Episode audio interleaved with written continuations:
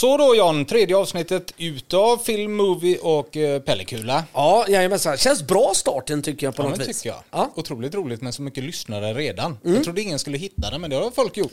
det har de gjort. Så är det. Ja. Du, eh, i dagens avsnitt Ja. kommer det bli eh, lite annorlunda tror jag. Och det här kommer vi få bekänna lite färg för. För att idag ska vi gå igenom Gudfadern. Mm. Och den kommer ju på ett eller annat sätt ställas då mot Armageddon. Ja. För den drog vi ju senast ur movieboxen. Så de två ska vi prata om idag. Och Ja. eh, Gudfadern, de... Eh, vad säger vi? Eh, har vi gjort trilogin blir en film. Ja, exakt. Och det gällde ju även, vad heter det, Star Wars, eller Stjärnans krig. Och Sagan om ringen och Hobbit och de här jobbiga trilogierna helt enkelt. Det går ju inte att gå igenom allihopa. Nej, det går inte att gå igenom. Men sen så, Star Wars skulle vi inte göra så med. Nej, just det. Det skulle Nej, vi inte göra. Nej. Nej. Men Hobbit och Sagan om ringen och eh, många andra trilogier gör vi en av, så att säga. Det blir inte tre olika filmer. Nej, nej. Så det, det kommer bli jättebra med det. Ja. Sen så kommer vi även eh, göra våra topp tre-listor på filmmusiksballader. Ja, och det har gråtits denna vecka Christian, när man har suttit och dratt igenom de här grejerna. Vet du vad? Detta Nej. var svårare än något annat jag gjort i hela mitt liv. Ja, men det är det. Och jag håller med dig för att Ska jag vara riktigt ärlig så jag gillar ju inte ballader på det viset. Jag har lite svårt för det. Det är ganska tråkigt om man tänker efter. Nej, en ballad kan göra något med en som inte mycket annan musik kan göra med en, när det väl är bra. Sen så tycker inte jag alltid att ballader är så speciellt att lyssna på. Det kan bli lite tråkigt. Ja, det- men ja. när de träffar rätt, Ja, oj vad de träffar rätt. Så tycker jag. Ja kanske. Nej, ja, nej, jag tycker alltså en ballad måste ha en film bakom sig. En ballad kan jag inte bara sätta på i bilen på vägen hem från jobbet. Nej. Det går inte. Nej, nej, men det håller jag med om. Om du inte har minnena av filmen när du lyssnar på balladen. Ja. Ja, för så har jag nämligen på... Jag, jag tror att den ramlade ut på fjärdeplatsen. För den är inte så stark i sig själv, låten. Nej. Eller det är en stark låt, men tack vare filmen den är med i så blir den så mycket starkare och så kommer det även vara på min tredje plats. Ja. Eh, stark låt, men tack vare filmen, superstark låt. Okej, mm. ja jag hör dig. Hänger du med på det? Ja. Men det tar vi i slutet på det här avsnittet tänkte jag. Du, Yes. eh, du ska tacka våran sponsor tänker jag. Ja, jajamensan. Eh, Innan vi drar igång det här programmet så tackar vi återigen då Björn och hans eh, Shoutery Media som eh, lånar ut den här fina studion till oss och så vi kan göra de här programmen. Shoutery, shout, Shoutery Media.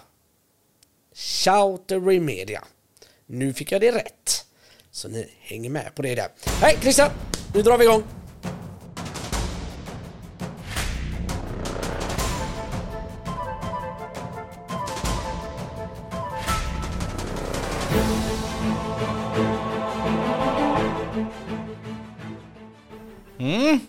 Ska vi börja med Gudfadern? Ja. Och såklart, när man gör en filmpodd och Gudfadern kommer på tal, då kan man tro att man ska prata om den jätte, jättelänge. Ja, det kan det man tror tro. inte jag att vi kommer göra. Nej. För det är lite det den här, eh, hela podden handlar ju om att vi ska göra om IMDBs topp 250. Ja. Och Gudfadern, absolut superbra på alla sätt och vis. Alla tre filmer, fantastiska. Mm. Men i vårt tycke idag, 2023, kanske den inte håller mot nyare actionfilmer eller nya thrillers eller sådär. För den första filmen gjordes faktiskt 1972. Ja, precis. Så att mycket har ju hänt på den vägen. Mm, och Och- tänk, jag tror den sista filmen gjordes 1990, ja, Ja, exakt. ja, så att eh, eh, det är klart att det händer ju mycket inom den här trilogin på alla de åren. Ja, och vi ska väl när vi gör våran IMDB topp eh, 250-lista, våran egen utav det, ha lite i åtanke, eller ha inte i åtanke att visst, 1972, fantastiskt att ens kunna göra Gudfadern. Skådespelarna, fantastiska, hela den Ja. grejen. Vi ska ställa Gudfadern 1972 2023. Ja. Det är det vi gör här. Det är det vi gör här Ja. och det är det vi menar med att vi tycker att vissa filmer är utdaterade. De borde inte finnas där på den här listan. Nej. Men eh, för de som inte har sett eller kan någonting om Gudfadern så Mm. tänkte jag att jag presenterar den. Ja. Är du med? Yes. Låt mig presentera Gudfadern, eh, en trilogi av kriminaldramafilmer baserat på Mario Pusas roman med samma namn. Filmerna regisserades av Francis Ford Coppola och släpptes 1972, 74 och 1990.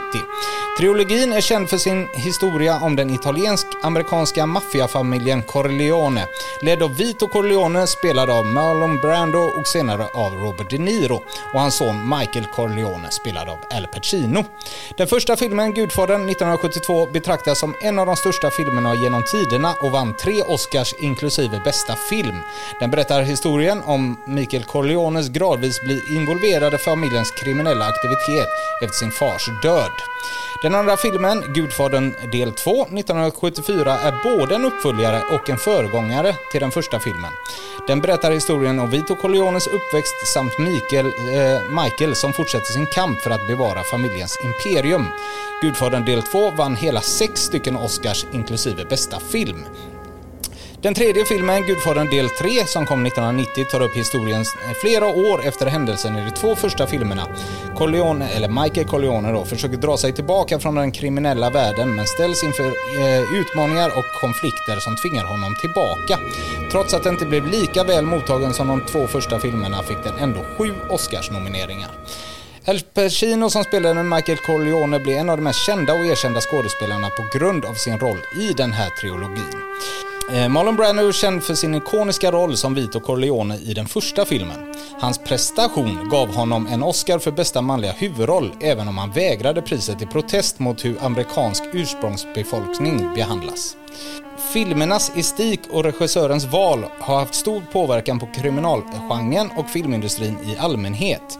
Användning av skuggor, den realistiska porträtteringen av maffian och den episka berättelsen har hyllats som exempel på mästerskap inom filmproduktion. Ja, där har vi den. Det var mycket Ja, det var väldigt mycket där. info Ja. kan man ju säga där. Men det jag tycker vad Gudfadern har gett eh, filmvärlden mer mer om, ja, men en ganska stor grej då. Det är att Gudfadern-trilogin har satt liksom lite ribban för hur man gör maffiafilmer. Jo, men så är det.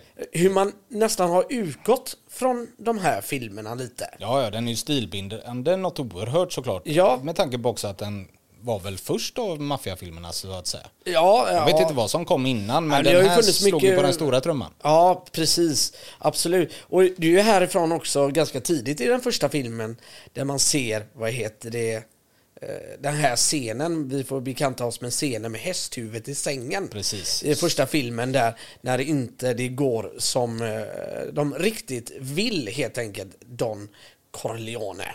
Vad menar du? Eller vadå? Nej, de försöker ju få in den här, eh, hans gudson på, vad heter det, en filmroll och han säger ju nej regissören och då får han ett hästhuvud i sängen. Ja, precis. Och vet du vad jag tänker på med den scenen som gör det så mycket, mycket äckligare? Dels är- såklart är det äckligt med ett hästhuvud, Mm. blodigt, men att han eh, sover i silkeslakan gör ju att det blir kladdigare på något sätt. Ja, det blir Det det. liksom torkar ju inte in som bomull hade gjort. Nej. Så att han är ju så fruktansvärt kladdig och det är så blött och det är så äckligt. Ja.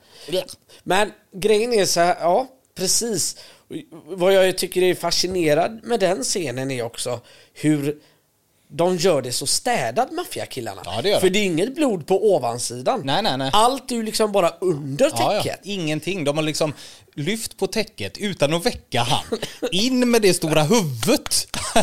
utan Ja. att kladda ner någonting annat. Utan att väcka honom och sådär. Och sen, det jag alltid tänker på när jag ser den scenen. Mm. Hur länge har han sovit med hästhuvudet där? Ja. Alltså, ett hästhuvud är stort. Det är inte att en kudde åker ner lite snett och du kanske sparkar till den. Utan Nej. du måste ju liksom sova väldigt, väldigt still. Ja. I allt det här blöta Ja. och ett stort hästhuvud där utan att du vaknar.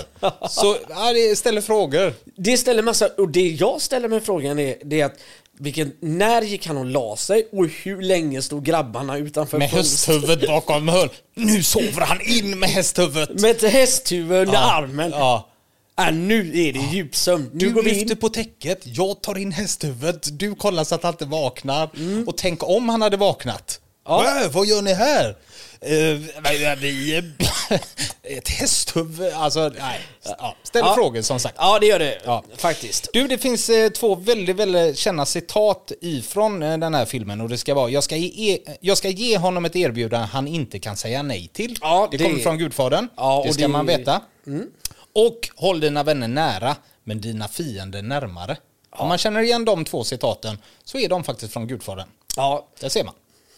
Du, eh, jag Yes. tänker också på det när jag såg Gudfadern för att Sigge i eh, eh, videouthyrningsaffären där jag växte upp. Han eh, pratar man ju med ibland och det kom Mm. nya filmer och man stod ofta och tjötade man.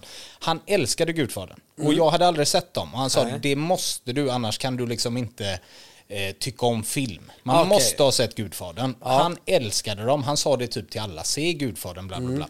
Så jag hyrde ju dem där och eh, såg dem, var, eh, ja, älskade ettan. Jag tyckte den var fantastisk. Ja. När jag såg tvåan så tyckte jag den var den bästa. Mm. Men när jag såg trean så tyckte jag den var den bästa. ah. Så det är liksom så här, och idag när jag tänker tillbaka på det så skulle jag nog säga att tvåan är bäst. Men det är också att jag har, alltså att både Al Pacino och Robert De Niro är med i den här filmen gör någonting med mig. ja, men du kan, man kan ju relatera till dem på ett helt annat sätt. Ja, precis. Det är ju lite mer, alltså, kanske inte våra generation, men någon skådespelare som har hängt med oss en längre period. Det tror jag. De Niro och Al Ja. Pacino är väl våran generation. Är det Alltså det? när vi växte upp på eh, 90-talet så var väl de de två absolut största. Ja, jo, det, ja, det- ja, det kanske du har rätt Det är ju inte förrän först efter, eh, efter då 74 som Mm. man gjorde filmen med eh, De Niro och Al Pacino. Vet du vilken som är den första film som de var med i tillsammans igen? Jag tror att den kom 94 eller 95 den filmen. Eh, kan det då varit eh, hit kanske? Ja, och vet du hur man gjorde scenen när de träffas första gången? För de är ju två olika läger så att säga. Ja. Al Pacino spelar ju polis och eh, Robert De Niro bankrånare. Ja. Mm. Så de är ju fiender så att säga. Eh, vet du hur man gjorde eller minns du scenen när de träffas första gången? Nej, det kan nog... Nej, det gör jag faktiskt inte. Det är inne på det här kaféet Ja. och det är ingen dialog. De är helt knäpptysta bägge två. Ingen säger någonting utan det bara talar om att ungefär vi respekterar varandra. Ja. Men jag kan ta dig, tänker Al Pacino. Mm. Och Robert De Niro tänker väl, du kan aldrig ta mig. Du kommer Nej. aldrig nå mig, du har ingenting med mig. liksom. nej. Även om han vet att det är du som gör det, så kan du aldrig ta mig. Så helt tyst scen, och sen så lämnar de. Nu vill jag se hit egentligen. Ja, Istället. det kommer vi ta upp såklart. Ja, det kommer vi här. göra. Någonting, om jag ska säga så här, och vi får väl... Det som stör mig i, vad heter det, hela öppningsscenerna, eller på Gudfadern 1, Mm. det är när man då... Ja, men det börjar ju på det här bröllopet. Ja. Och, Och, eh, du, det- innan du går vidare. Ja. Det bröllopet är för långt. Ja. Det är för segt att kolla på det. Ja, men det är det. Men det har ett eh, så otroligt tydligt syfte, hela det här bröllopet. Absolut, men det är för långt. Det hade Ja. aldrig gjort så långt idag, om du förstår vad jag menar. Mm, Nej, absolut. För att alla karaktärer, nästan, förutom rivalerna, ska Mm. ju presenteras på det här bröllopet. Exakt. Och, och det, då blir det ju väldigt långt såklart. Men det som stör mig i allt detta, det är att Marlon Brando då, eller Don Corleone, han är så jävla lugn. Eh, ska visa, vara väldigt rättvis och liksom inte den här brutala, hysteriska maffiabossen som du kanske tänker dig. Nej, nej. Men så kommer ju den här gudsonen in och vad heter det pratar då om att han vill ha den här rollen och han behöver hjälp och bla bla bla, allt detta. Och då helt plötsligt exploderar han och han gör det så jävla dåligt. Mm. Ja. Och jag får liksom, men, men vad hände där? Han har varit lugn, det ska pussas på händer och så vad tänker du med och liksom, Var kommer det ifrån? Och jag tycker inte det passar in Fast där. jag tror också att det är att bevisa att han är lite som en tickande bomb. Att det är, Ja. alltså det är kämpigt att vara maffialedare. Allting är inte lugnt och städat och diamanter och hela den grejen och pasta liksom. Utan det är en jävla press också. Ja, men kunde man inte ha hållit lite på det då? Ja, kanske. Men ja. Men eh, återigen, den är gjord 72. Så att Ja. vissa saker presenteras ju annorlunda. Och det gör det roligt att sen placera in detta på våran lista idag. Mm. För får jag bestämma så är den inte på topp 10. Nej, det är den verkligen inte-. Nej, den kommer inte vara där. Nej. Så att den kommer ju petas ner rätt långt enligt mig. Ja, Ehm, så att, eh, ska vi ta det? ja våga. Vart ska vi ta in den så att säga? Vart känner du? Jag går, vi går på glas nu Christian, vet du det? Jag tycker vi får göra det. Ja, Vi går med en stor trumma, balanserar en tårta på huvudet samtidigt som vi går med ett höjdhoppsspjut eller vad- stav Ja. in i en porslinsaffär. Ja, precis. Så där är vi nu. Ja, lite som den här gamla filmen, eh, filmen Plankan. De som går och bär på en planka hela tiden. Vi ute och går med vår går vidare, innan vi går vidare med våra grejer där. Eh, Ja. Det är ju Al Pacino och det är Marlon Brando såklart och sen Robert Duvall är fantastisk. Mm. Ja, det är han. Eh, och sen så har vi då, ehm, eh, vad heter det? Diane Keaton är med så Ja, jag inte precis. knappt känner igen. Nej, man känner knappt igen henne. Men, eh, och sen då även De Niro. Men den jag tycker är bäst i hela filmen, som jag alltid minns tillbaka till när jag Ja. tänker på eh, Gudfadern. Tänker du på samma som jag? Jag tror du kommer säga A- Andy Garcia. Nej, det är James Caan. James Caan, ja. Hans son, Sonny heter ju Ja. han där. Han är så jävla aggressiv. Ja, men det är han. Han är så arg hela tiden och han är en sån motpol mot El Pacino. Och det gillar jag jätte- jättemycket i den här filmen. Mm. Älskar det. Och det blir så tydligt redan i första filmen vilken betydande roll Al Pacino kommer ha, eller Mickey Corleone. För att när de sitter och diskuterar hur de ska ta itu med de som attackerade pappan och gjorde ett mordförsök på honom. Då är han högt och lågt och han är arg och det ska göras det. Han ska till och med bestraffa chauffören som var sjuk den dagen. Han får skit. Alla får åka under bladet Ja, liksom. och Mickey Corleone, Al Pacino, sitter lugnt med benen i kors och funderar Ja. hur de ska gå vidare. Ja. Och då vill ändå eh, advokaten eh, Robert Duval hålla han utanför så mycket som möjligt. Mm. Ja, men eh, den, den har sina saker. Ja, det har den. Men med vetskapen om hur mycket film det har kommit sedan 72 Ja. och som kanske ligger oss varmare om hjärtat så ska vi ju då placera in Gudfadern-trilogin på någonstans mellan 1 och 250 på Ja. våran lista. Och jag vet inte ens, eh, alltså jag har ingen känsla av att vart du vill börja. Jag Nej. har en känsla av att, vart jag vill slänga in den. Men jag känner ändå att du får säga först. Alltså du kastar mig till Ja, vargarna. men lite så. Nej, men vill du att jag tar det då? Nej, men jag kan ta det. Och jag håller med dig, inte topp 10. Nej. Jag är villig att dra det till inte ens topp 20 för mig. Eh, nej, jag är med dig där också. Men jag slänger den precis utanför, på 21. Det hade jag med.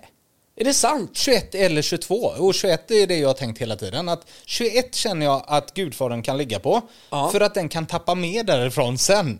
Om du förstår vad jag menar. Det är Ja. inget konstigt. Men att den ändå får vara med från en början idag. För att listan idag är ju bara Snatch första plats och Nyckeln till frihet fjärde plats. Ja. Och då känns det konstigt att lägga Gudfadern kanske på 53 plats. Ja, det, det För att den ska ju fortfarande glapp. vara där någonstans tänker jag. Ja, det ska Men den. eftersom båda sa 21 så tycker jag vi lägger Gudfadern, eh, trilogin på 21 plats. Ja. ja.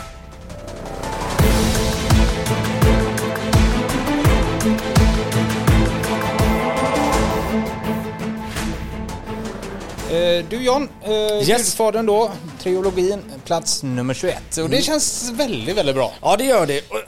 Jag trodde att vi skulle eh, diskutera det mer, men det kändes bra eh, att vi eh, var på samma plats där.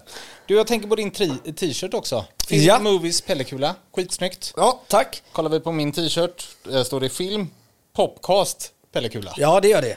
Det blev ett fel i tryckeriet va? Eller hur var det John? Det kan man säga. Jag hade lite otur när jag tänkte det. Eller Lite. inte, jag tänkte inte alls. Det är väl mer det kanske. Ja.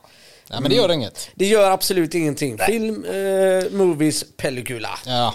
Både på. Spotify och iTunes nu om man har missat det. Ja, precis. Eller Acast. Du, eh, då ska vi gå in på filmen Armageddon.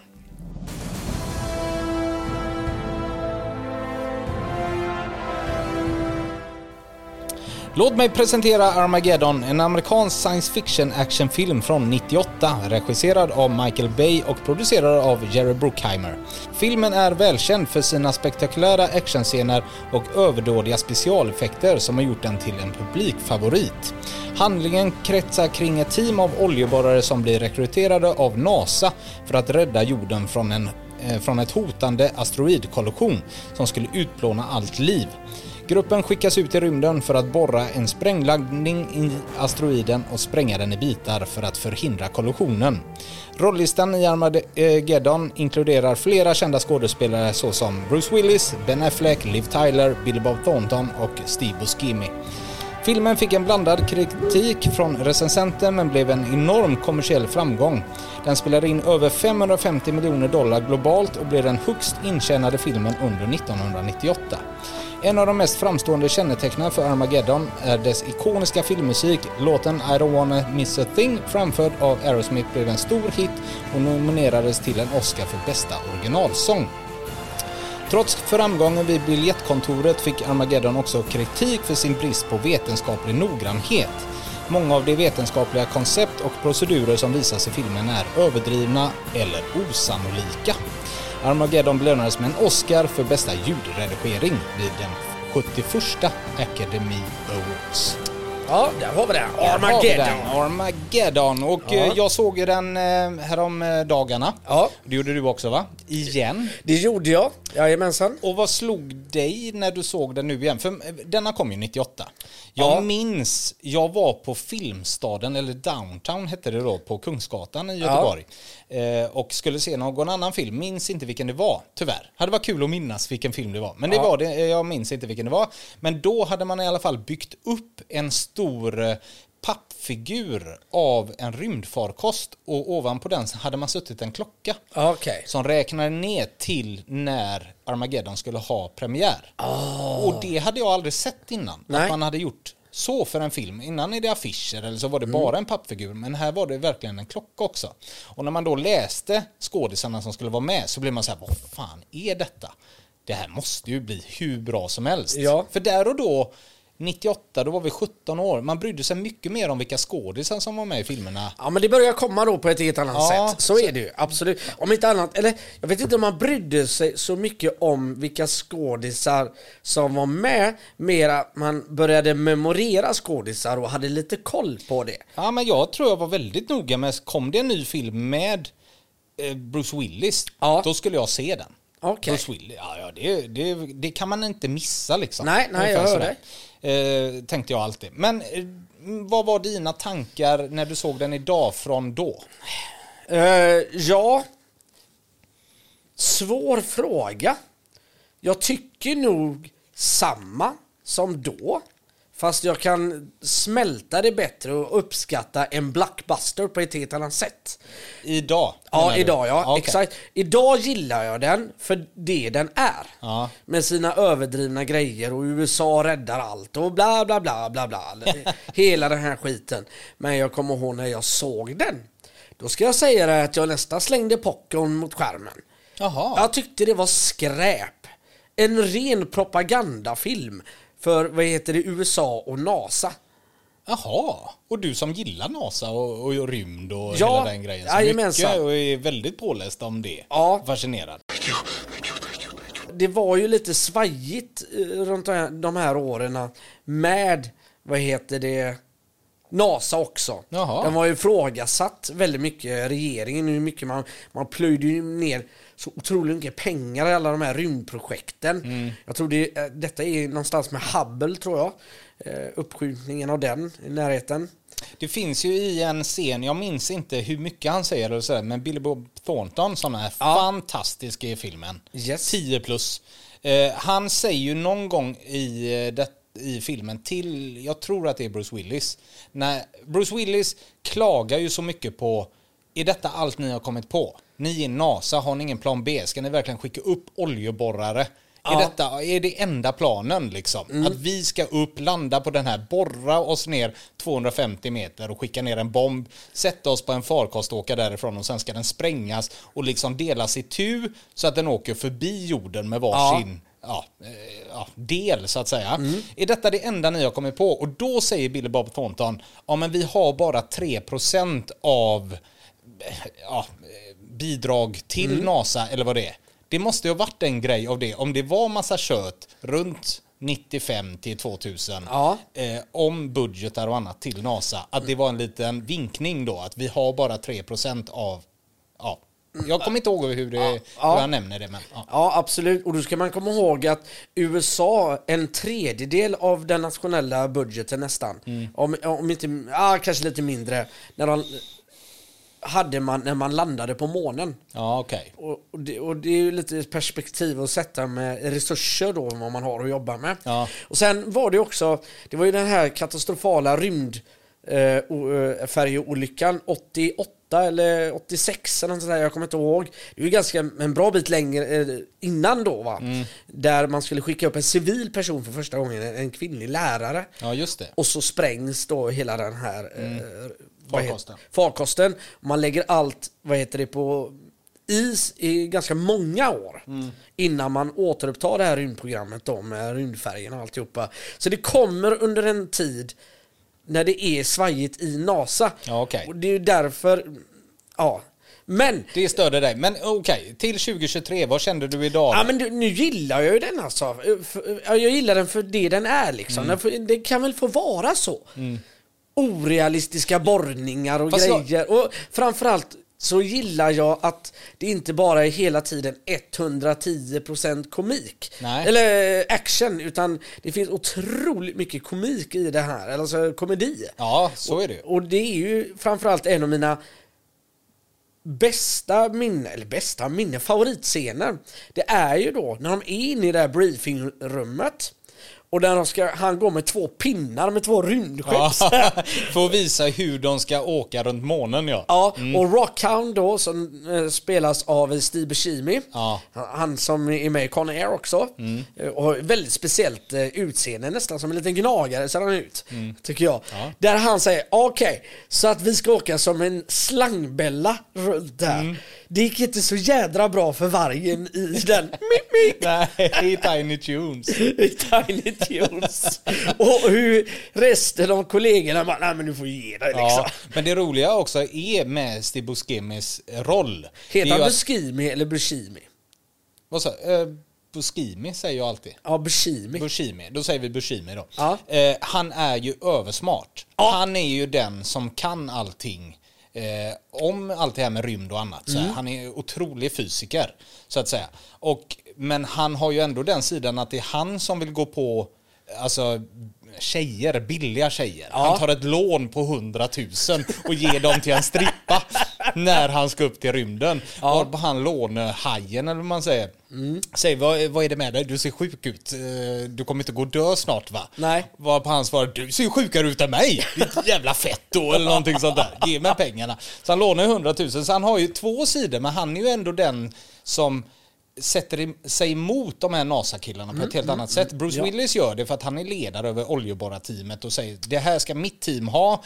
Steve Buscemi gör ju det på ett mer alltså, smart plan. Ja, han ifrågasätter ju dem. Ja, för han, in, han förstår ju också vad det innebär att göra alla de här grejerna och hur, hur lätt det är att det kan gå fel. Ja, och han är också den, och det tror jag de har gjort med flit. Han är ju den som tappade uppe i på eh, asteroiden. Hey, it's all wrong, man. We shouldn't even be up here. Ja, det är det. Han sätter ju sig och rider på den här stora eh, bomben, atombomben och sådär. Att han vill göra någon jävla hästscen från hans favoritfilm. Och han Ja. blir ju helt galen. Det blir ju inte de andra. I just wanted to feel the power between my legs. Ja, precis. Så att de, han, han är väldigt... Han har många lager i den här filmen. Ja, det gillar har jag jättemycket. Eh, Michael Clark Duncan är ju fantastisk också. Och det gör det extra känsligt idag att se han i filmer tycker jag. Med tanke på att han inte lever längre. Ja. För att han är så lätt att tycka om. Och han är jättebra i den här filmen också. You the man. Det är det och eh, det blir, de kör ju klyschigt rätt av att det är just han som bryter samman efter två sekunder in hos psykologen. Ja, för att han är den stora och Ja, hela sitter och gråter Ja. och, och han har bara trådar på axlarna för hans linne är så tunt. Ja, precis. Ja, han är fantastisk. Ja. Men eh, sen gillar jag början också, när de är ute på oljeplattformen. Ja. Och eh, Bruce Willis eh, ser att Ben Affleck har någonting med Liv Tyler att göra. För. Liv Tyler är ju dotter då i filmen till Bruce Willis. Och han jagar han med en shotgun och skjuter verkligen. Och de andra bara, lugna dig nu. Vad är det han är? Harry. Harry. Lugna dig nu Harry. Ja. Vad fan, skjut inte mer nu. Och Ben Affleck är så här, sluta skjut, du kan träffa mig. Ja. Medan Harry är så här, ja, jag vill ju träffa dig. Ett Ja. ben kan du jobba vidare med här. Sådär. Men det bygger de ju också upp under hela filmen, deras relation. Ja. Med Bruce Willis och eh, Ben Afflecks relation. Och det är också det som ska vara sluttampen i slutet då. Ja. Och slutet har väl alla sett och det sitter man ju och våndas över för jag vet att jag har kanske sett filmen nu sju gånger eller någonting. Ja. Fem av gångerna har jag fullständigt tappat det i slutet. Jag grinar som ett barn.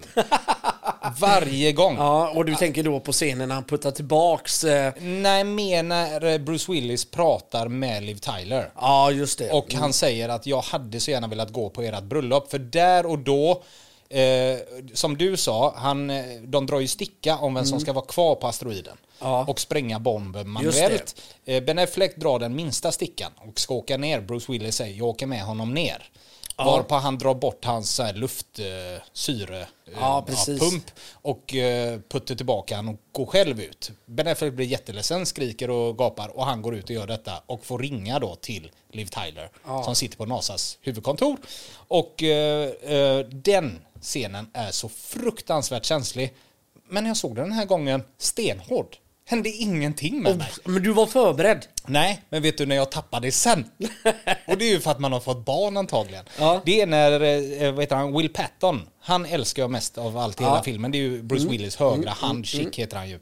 Han har ju ett bråkigt eh, förhållande med sin son och eh, sonens mamma så att säga. Ja. Eh, han träffar ju inte honom. Han får ju träffa honom innan han ska åka och bara ge han en rymdfärja och säga säg att den är från någon. Vem som helst spelar ingen roll. Men jag har en stor grej på gång.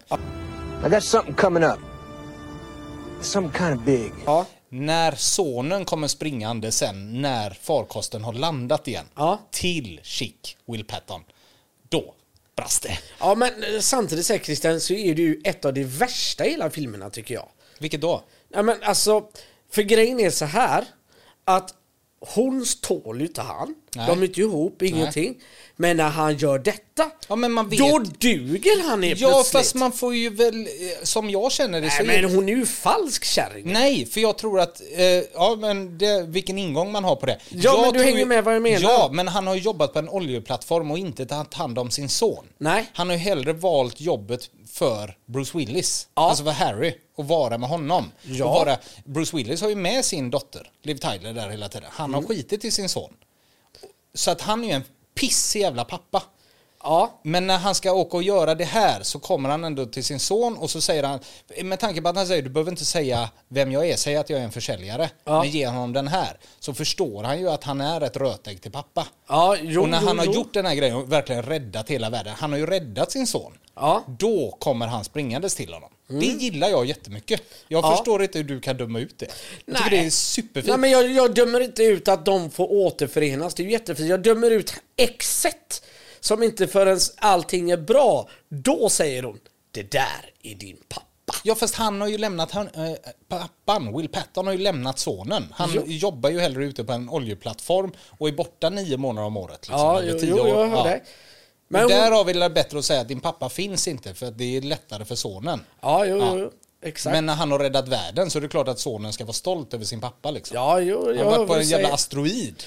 Hon är falsk Så- bara Christian. ja, okej, jag, jag fixar henne inte. Men det finns komik i det också, för först springer Liv Tyler fram till Ben Affleck. Den Ja. köper man ju, det är ju fint så, på alla sätt och vis. Och då tycker man, ja, Mm. nästa som springer fram till någon, det är ju den här strippan till Steve Buscemi. Buscemi. Buscemi. Och sen kommer sonen fram.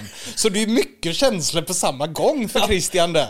Jag kan inte hantera det. Ja. Strippa! Alltså, och vet du vad det första han säger Steve Buscemi till strippan där när hon slänger sig över honom och ramlar? Nej, jag vill ha barn. det är det första han säger. Han, har- han har verkligen fått granska sitt Ja, han liv. har fan fått känna efter i den.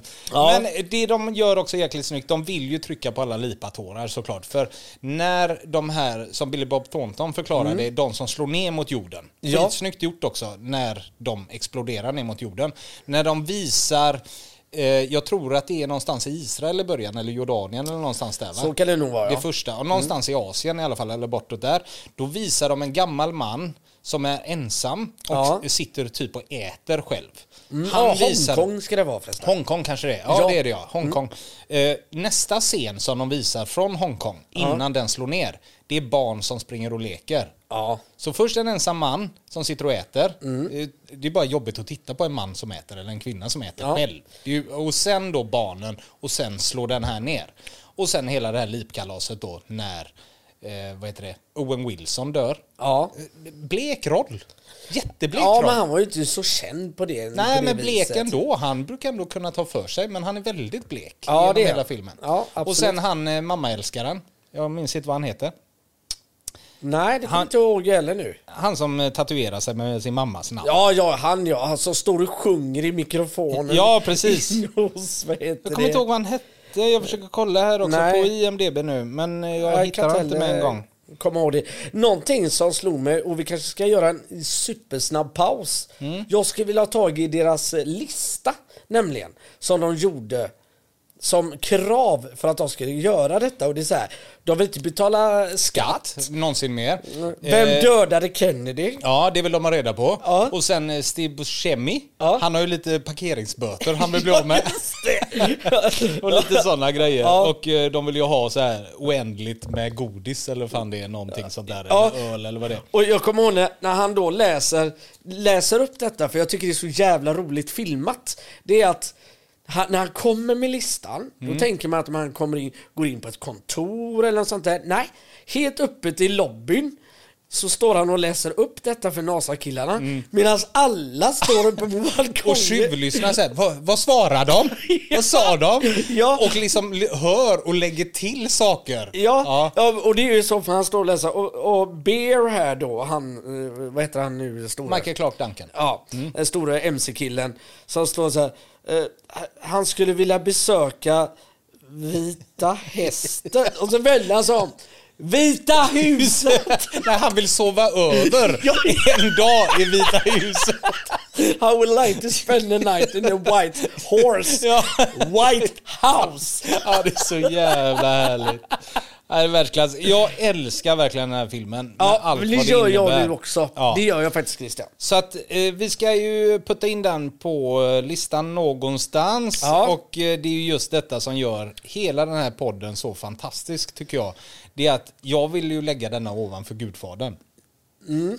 Hur känner du? Ja, jag vågar. Eh, mm. Ja, kanske. Mer ett statement att Armageddon har gått förbi Gudfadern-trilogin. Och jag vet att Ja. folk nu drar sitt hår. Jag fattar den grejen. Ja, men det får de Men se göra. filmerna och som vi har pratat om innan. Det ska finnas ett mervärde i filmen också. Kunna Ja. se den igen. Och då ser jag hellre Armageddon en, en gång än att se eh, Gudfadern-trilogin. Ja, absolut. Ja, men jag lägger nog den hellre kanske, eh, nej, inte på en topp topp 20, lite väl alltså. Hur känner du inför 20 platsen? Ja, den kan jag gå... Strax innan Gudfadern. Ja, den kan jag gå... Den kan jag nog förlika mig med. Ja. För du var inte runt 70, 80, 140? Nej, det, det var jag inte. Nej. Jag var nog närmare på runt 35-40 där. Men om du ställer den mot Gudfadern då? I, Eh. i att se omvärde? Ja, då är ju du lätt Armageddon såklart. Det är det ju. Men jag tänker att... Ja, vill, du, vill du ha Armageddon efter Gudfadern så jag kan absolut ta det. Ja, men jag vi- fattar grejen med Gudfadern såklart. Men Ska jag vi- älskar Armageddon. Ska vi mötas halvvägs då? 25. Funkar det? Ja, absolut. Jag Ja. förstod inte hur det var halvvägs bara, men absolut. Ja, men jag sa 30, Halvvägs. 40. Ja, okej. ja. Nej, men 25 då, Armageddon. Ja. Absolut. Det känner jag är, blir jätte, jättebra. Ja, det kör vi på. Armageddon. Du, eh, vi har pratat så otroligt mycket i det här avsnittet, så frågan är om vi ska vänta med balladerna till nästa avsnitt Okej. och då också öppna movieboxen. Ja, just det. Men vi kanske ska åtminstone dra filmerna och så vi vet lite vad vi ska förhålla oss till nästa avsnitt. Hänger du med hur jag tänker Ska där? vi dra filmerna nu? Ja.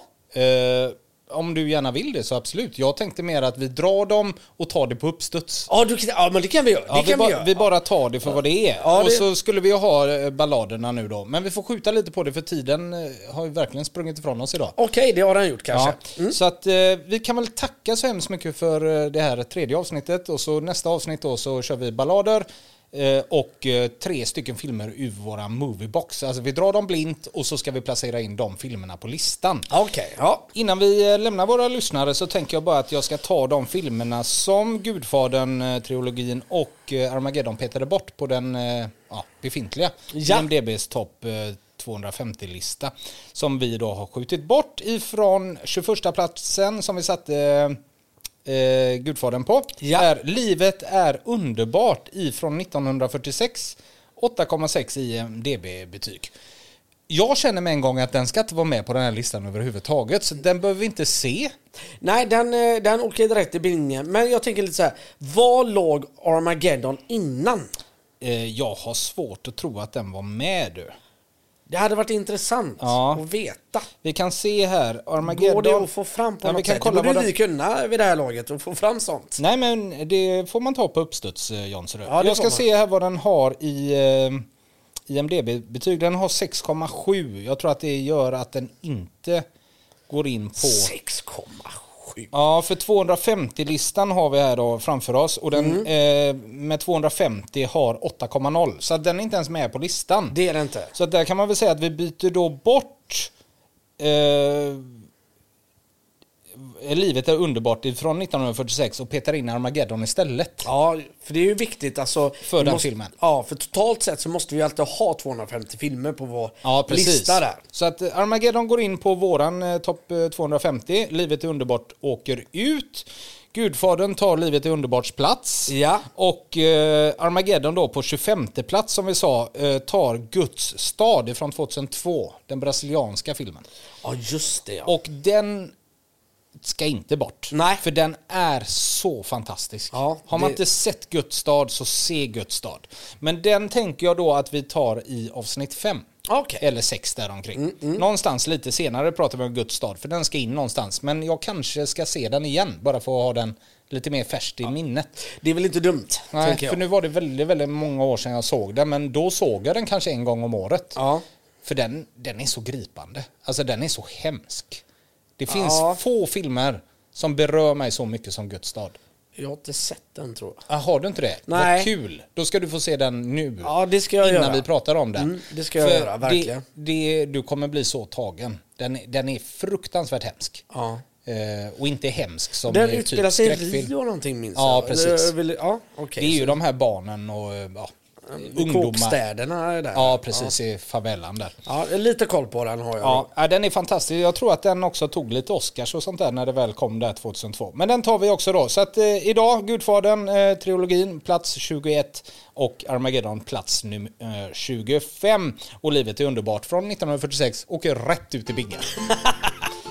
Så tackar vi för idag. Lyssna Ja. på oss via Spotify, Acast eller iTunes. Eller se oss på YouTube, TikTok eller Instagram ja. kanske. Ja, precis. Någon annanstans. Tack för idag. Tack, tack. Hej! Hej.